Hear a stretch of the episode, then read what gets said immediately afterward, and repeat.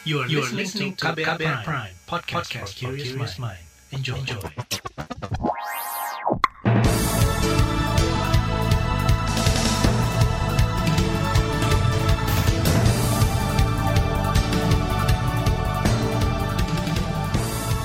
Selamat pagi saudara, senang sekali kami bisa menjumpai Anda kembali melalui program Buletin Pagi KBR edisi Kamis 17 Desember 2020.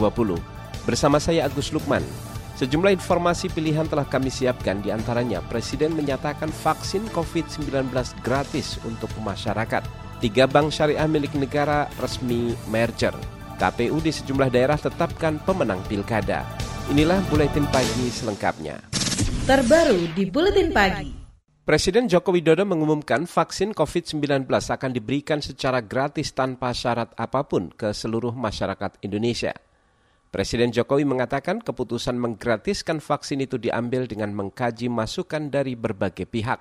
Vaksin akan dilakukan secara bertahap mulai Januari mendatang. Setelah menerima banyak masukan dari masyarakat dan setelah melakukan kalkulasi ulang, melakukan perhitungan ulang mengenai keuangan negara, dapat saya sampaikan bahwa vaksin COVID-19 untuk masyarakat adalah gratis. Sekali lagi, gratis tidak dikenakan biaya sama sekali. Presiden Joko Widodo juga menyatakan akan menjadi orang pertama yang akan menerima suntikan vaksin COVID-19.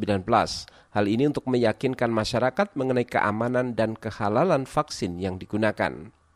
Presiden Joko Widodo juga meminta Menteri Keuangan Sri Mulyani untuk melakukan pemetaan anggaran untuk memuluskan vaksinasi COVID-19 secara gratis.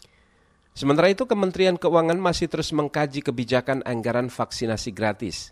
Sebelumnya di APBN 2021, pemerintah mengalokasikan anggaran untuk pengadaan vaksin sebesar 18 triliun rupiah, program vaksinasi sebesar 3,7 triliun rupiah, dan pengadaan sarana dan prasarana penunjang sebesar 1,3 triliun rupiah. Total anggaran yang telah dirancang untuk proses pengadaan hingga vaksinasi ke masyarakat mencapai 23 triliun rupiah.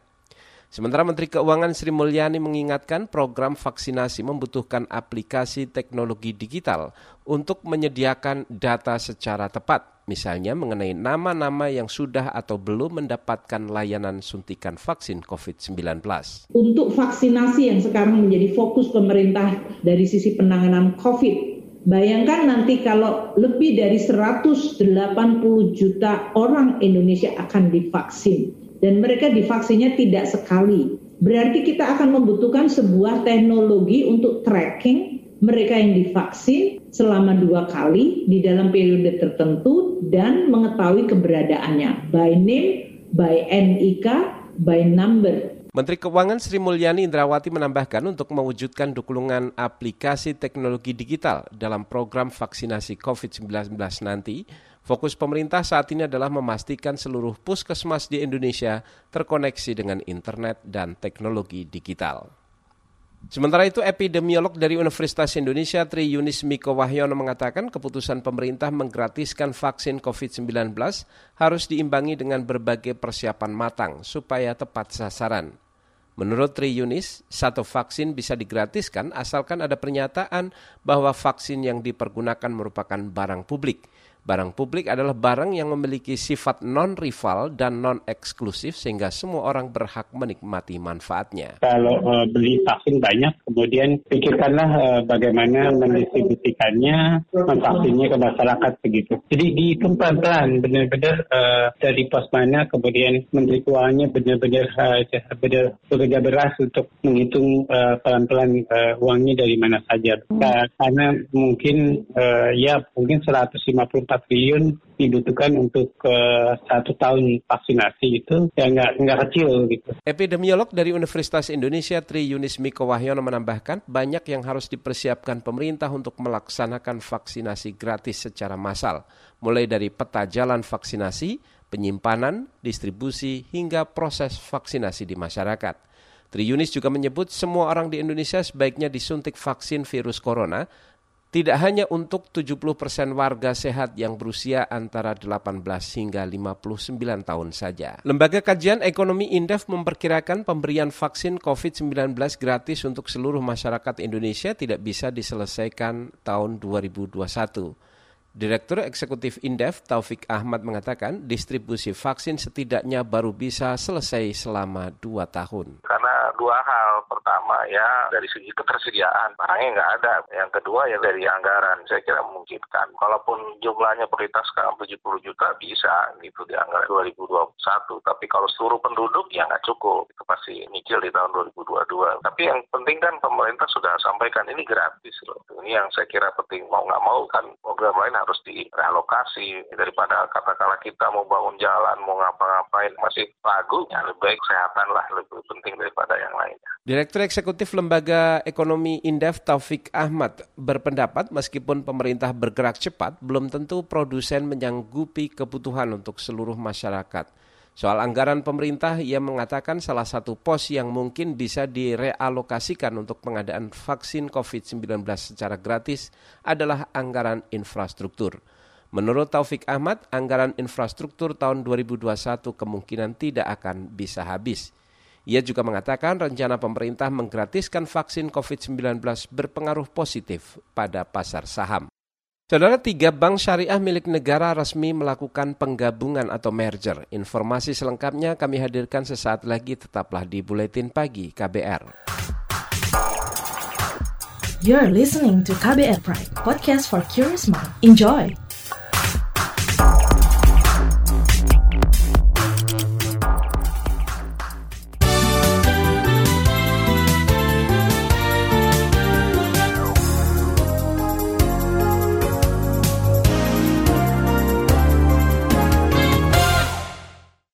Tiga bank syariah plat merah resmi bergabung atau merger. Penandatanganan akta penggabungan atau CMA yang direncanakan pada Februari mendatang dipercepat menjadi Rabu kemarin. Tiga bank syariah yang melakukan merger adalah BRI Syariah, BNI Syariah, dan Bank Mandiri Syariah.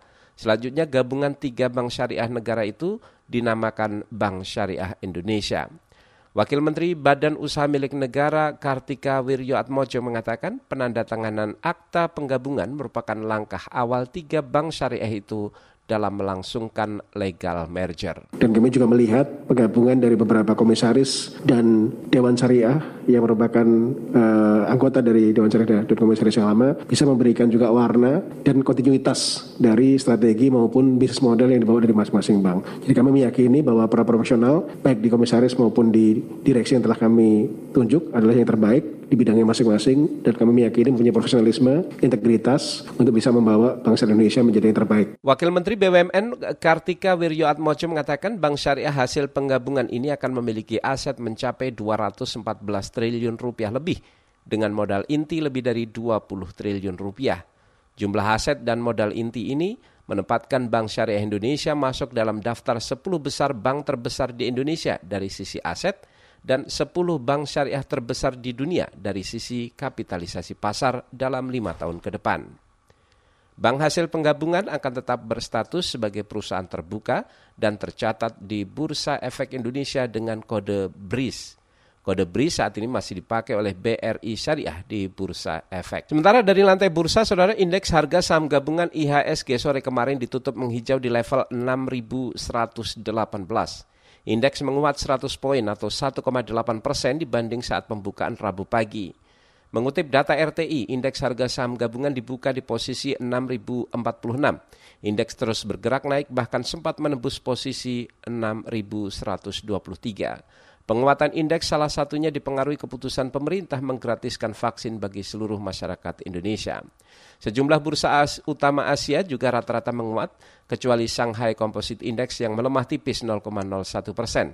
Sementara data RTI memperlihatkan rupiah menguat tipis 0,04 persen dan diperdagangkan di posisi 14.145 rupiah per satu dolar Amerika Serikat. Beralih ke informasi lain, Kementerian Ketenagakerjaan mengakui program penyaluran bantuan subsidi upah atau subsidi gaji bagi karyawan swasta dan pegawai honorer pada tahap kedua sempat mandek. Menteri Ketenagakerjaan Ida Fauziah beralasan pada November lalu kementeriannya harus melakukan pemadanan atau pencocokan data penerima subsidi gaji pegawai swasta. Pencocokan data ini melibatkan Komisi Pemberantasan Korupsi KPK dan Direktorat Jenderal Pajak. Pada pertengahan November kemarin, berdasarkan rekomendasi dari KPK, kami bersama BPJS Ketenagakerjaan berkoordinasi dengan Dijen Pajak untuk melakukan pemadanan data. Ini prinsip kehati-hatian yang kami lakukan mengikuti rekomendasi dari KPK. Upaya ini dilakukan semata-mata untuk memberikan keyakinan kepada kita semua bahwa BSU ini tepat sasaran. Menteri Ketenagakerjaan Ida Fauziah mengakui realisasi program subsidi gaji pegawai swasta tahap 1 dan tahap 2 belum mencapai 100 persen. Pada tahap pertama, penyaluran terkendala ada rekening penerima yang bermasalah – penyaluran subsidi gaji tahap 1 baru mencapai 98 persen lebih dari 12,2 juta penerima. Sedangkan pada tahap kedua baru mencapai 89 persen dari 11 juta penerima. Ida Fauziah menjanjikan sisa penyaluran subsidi upah buruh tahap 1 dan 2 akan selesai pada akhir bulan ini. Penerima subsidi adalah karyawan swasta atau pegawai honorer yang gajinya di bawah 5 juta rupiah per bulan. Saudara persidangan ketiga gugatan uji materi serta uji formil Undang-Undang Cipta Kerja di Mahkamah Konstitusi kemarin diwarnai unjuk rasa buruh. Pengurus Konfederasi Serikat Pekerja Indonesia KSPI Kahar Cahyono mengatakan pengunjuk rasa mengawal sidang uji materi yang diajukan oleh dua konfederasi serikat pekerja karena berkaitan dengan judicial review yang diajukan oleh KSPI, Konfederasi Serikat Pekerja Indonesia, terkait dengan Undang-Undang Nomor 11 Tahun 2020, Undang-Undang Cipta Kerja. Di dalam Mahkamah Konstitusi, judicial review kita terbagi dalam dua hal. Yang pertama adalah uji material dan yang kedua adalah uji formil. Pengurus KSPI Kahar Cahyono mengatakan dalam gugatan uji materi Undang-Undang Cipta Kerja, Konfederasi menggugat pasal mengenai upah minimum, pesangon, perjanjian kerja waktu tertentu, outsourcing hingga cuti dan PHK. Sedangkan gugatan uji formil pembatalan undang-undang telah didaftarkan pada 15 Desember kemarin. KSPI mendesak Mahkamah Konstitusi membatalkan Undang-Undang Cipta Kerja secara keseluruhan karena proses penyusunannya banyak kejanggalan. Beralih ke informasi mancanegara, Saudara Uni Eropa kemungkinan bakal memberikan persetujuan final terhadap penggunaan vaksin COVID-19 buatan Pfizer dan BioNTech paling cepat 23 Desember mendatang. Mengutip Reuters, sebelumnya Badan Obat Eropa EMA memberikan lampu hijau penggunaan vaksin hasil kolaborasi perusahaan Amerika Serikat dan Jerman tersebut. Namun berdasarkan regulasi, keputusan akhir tetap berada di tangan Komisi Eksekutif Uni Eropa. Negara lain yang sudah memberikan izin penggunaan vaksin buatan Pfizer dan BioNTech adalah Inggris dan Amerika Serikat. Kita ke informasi olahraga. Saudara kota Doha di Qatar ditetapkan sebagai tempat penyelenggaraan turnamen olahraga se-Asia atau Asian Games tahun 2030. Keputusan itu diambil Komite Olimpiade Asia setelah melalui pemungutan suara pada Rabu kemarin. Qatar memenangkan suara terbanyak dari negara-negara yang mengajukan diri sebagai tuan rumah. Sebagai runner-up adalah kota Riyadh, Arab Saudi yang kemudian ditetapkan sebagai tuan rumah penyelenggaraan Asian Games 2034. Doha pernah menjadi tuan rumah Asian Games pada 2006, sedangkan Arab Saudi belum pernah menjadi tempat penyelenggaraan olahraga tingkat Asia. Laporan khas KBR selanjutnya menghadirkan ulasan mengenai dunia usaha yang menolak pengetatan kembali PSBB. Tetaplah di Buletin Pagi KBR. You're listening to KBR Pride, podcast for curious mind. Enjoy!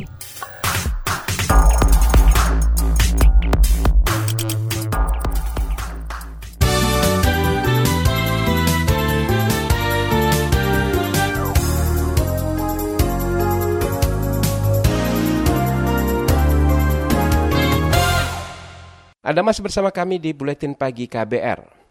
Pemerintah berencana memperketat pembatasan sosial berskala besar PSBB saat libur Natal dan Tahun Baru. Pusat perbelanjaan, kafe, restoran, dan tempat hiburan dibatasi jam operasionalnya hanya sampai pukul 7 malam. Rencana ini ditolak para pelaku usaha.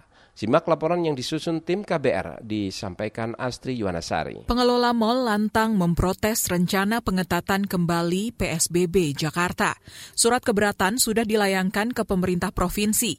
Wakil Ketua Umum Asosiasi Pengelola Pusat Belanja Indonesia APPBI, Alfonsus Wijaya kami tidak pernah diajak berdiskusi. Jangankan diskusi, diinformasikan pun belum pernah gitu loh. Jadi kami pun mengetahuinya kan dari berita-berita saja kemarin gitu loh. Jadi eh, itu yang kami dapatkan berita-berita itu. Jadi sampai dengan saat ini eh, kami belum pernah diinformasikan secara resmi. Alfonsus menolak jika mal disalahkan atas lonjakan kasus positif yang makin tak terkendali.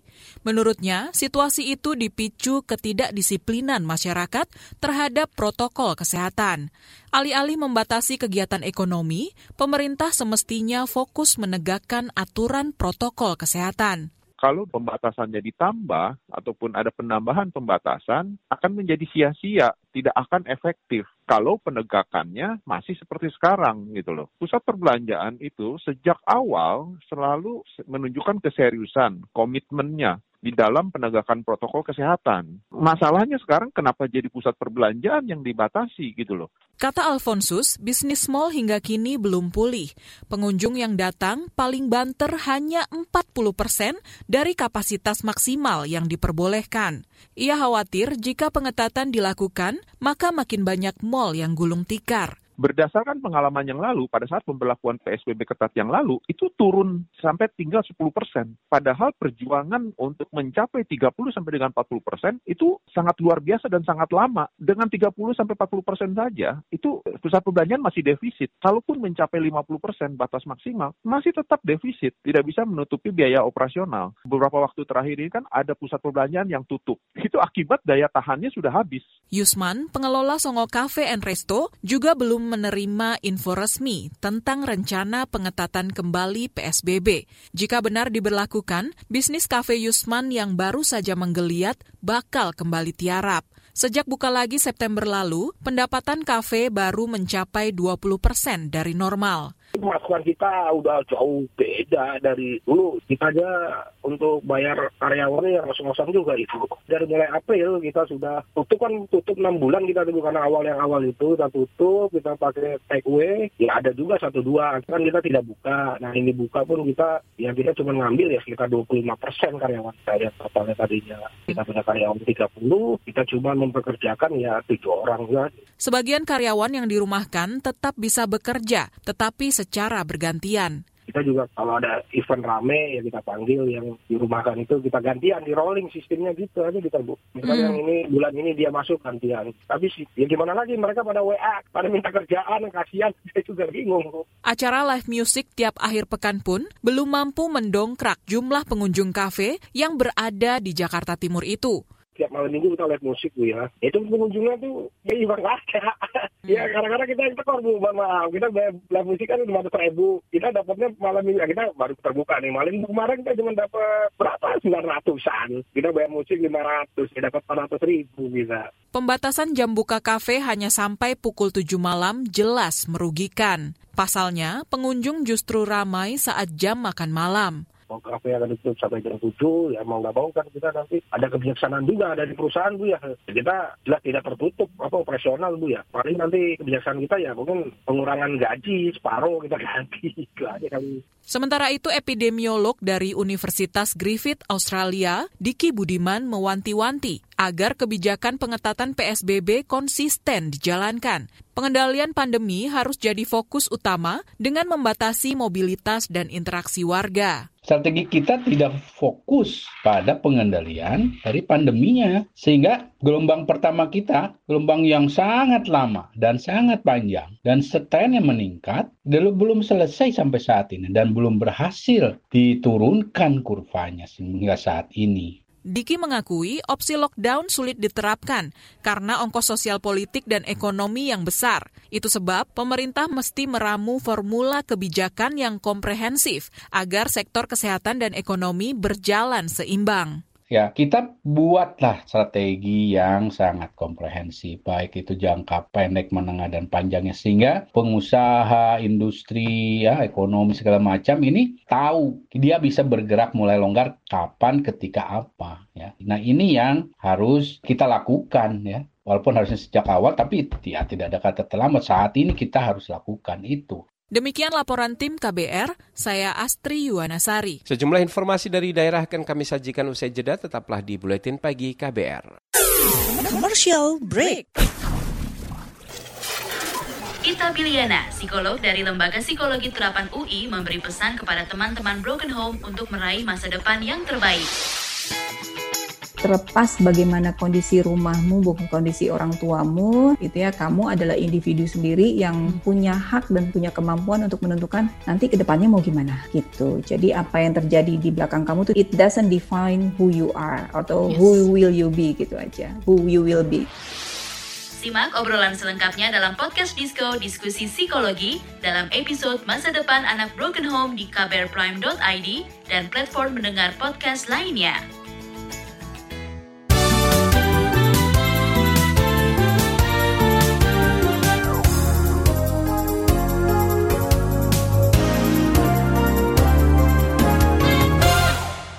Inilah bagian akhir buletin pagi KBR. Kita menuju ke Papua. Saudara pemerintah Kabupaten Mimika bersama aparat keamanan bersepakat untuk segera memulangkan 1.700-an pengungsi dari kota Timika ke kampung halaman mereka di distrik Tembagapura.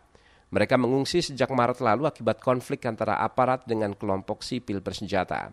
Wakil Bupati Mimika Yohanes Retop mengatakan pemulangan ribuan pengungsi itu disepakati dalam pertemuan dengan wakil pengungsi DPRD setempat dan aparat keamanan. Tanggal 17 sesuai kesepakatan PAJ ke Tembagapura, nanti Freeport yang fasilitasi, nanti bersama-sama dengan DPR, TNI Polri, kita naik bersama masyarakat, nanti kembali dari sana akan evaluasi lagi untuk menentukan kapan bisa untuk dilaksanakan. Wakil Bupati Mimika Yohanes Retop mengatakan para pengungsi bisa dipulangkan karena wilayah distrik Tembagapura sudah dianggap aman. Menurut Yohanes, kelompok bersenjata yang ada di Tembagapura sejak tahun lalu kini sudah meninggalkan wilayah itu. Pertimbangan lain adalah karena ribuan warga pengungsi di kota Timika sulit memenuhi kebutuhan hidupnya di lokasi pengungsian. Kita ke Kalimantan Timur, saudara pasangan calon wali kota Balikpapan, Rahmat Masud dan Tohari Aziz meraih suara mayoritas dalam pemilihan kepala daerah 2020. Hal ini berdasarkan rapat pleno terbuka, rekapitulasi dan penetapan hasil penghitungan suara yang digelar KPU Kota Balikpapan. Ketua KPU Kota Balikpapan Nortoha mengatakan KPU memberi waktu kepada masyarakat yang memiliki legal standing untuk melakukan gugatan ke Mahkamah Konstitusi. Mengingat Rahmat Masud merupakan calon tunggal yang menang melawan kotak kosong. Bagi pihak-pihak yang mau memperkarakan atau mau melakukan upaya hukum itu dikasih waktu tiga hari, tiga hari dari sekarang. Setelah nanti tiga hari kita kan nggak tahu ada yang adukan atau enggak. Nanti MK itu merilis, merilis kabupaten mana-mana yang diadukan. Kalau misalnya Balikpapan tidak ada, maka lima hari setelah rilis itu KPU Balikpapan dikasih kesempatan untuk melakukan penetapan. Setelah ditetapkan, maka KPU Balikpapan akan membuat surat pengusulan kepada gubernur untuk dilantik. Ketua KPU KPU Kota Balikpapan Nortoha mengatakan jika tidak ada yang melakukan gugatan ke MK, maka KPU akan segera menetapkan calon terpilih dan kemudian mengusulkan kepada gubernur untuk menggelar pelantikan. Dalam rapat pleno KPU, pasangan Rahmat Tohari meraih 160 ribu suara, sedangkan kota kosong memperoleh 103 ribu suara. Pilkada Balikpapan hanya diikuti satu pasangan Rahmat Tohari yang didukung sembilan partai politik. Kita ke Jawa Tengah, KPU Kota Solo menetapkan anak sulung Presiden Joko Widodo yaitu Gibran Raka Buming Raka yang berpasangan dengan Teguh Prakosa sebagai pemenang Pilkada 2020. Ketua KPU Solo Nurul Sutarti mengatakan hasil rekapitulasi penghitungan suara menunjukkan pasangan Gibran dan Teguh memperoleh 86 persen.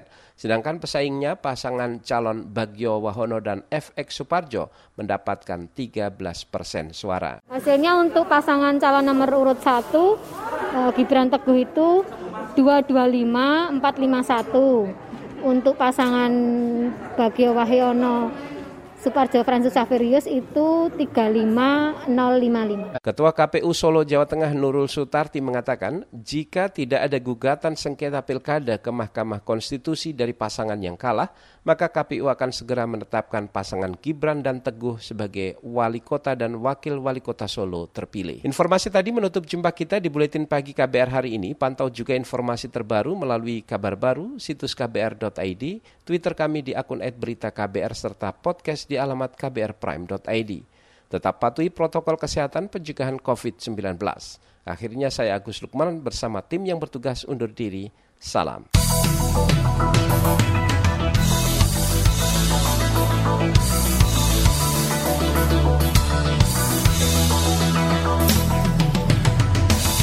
KBR Prime, cara asik mendengar berita. KBR Prime, podcast for curious mind.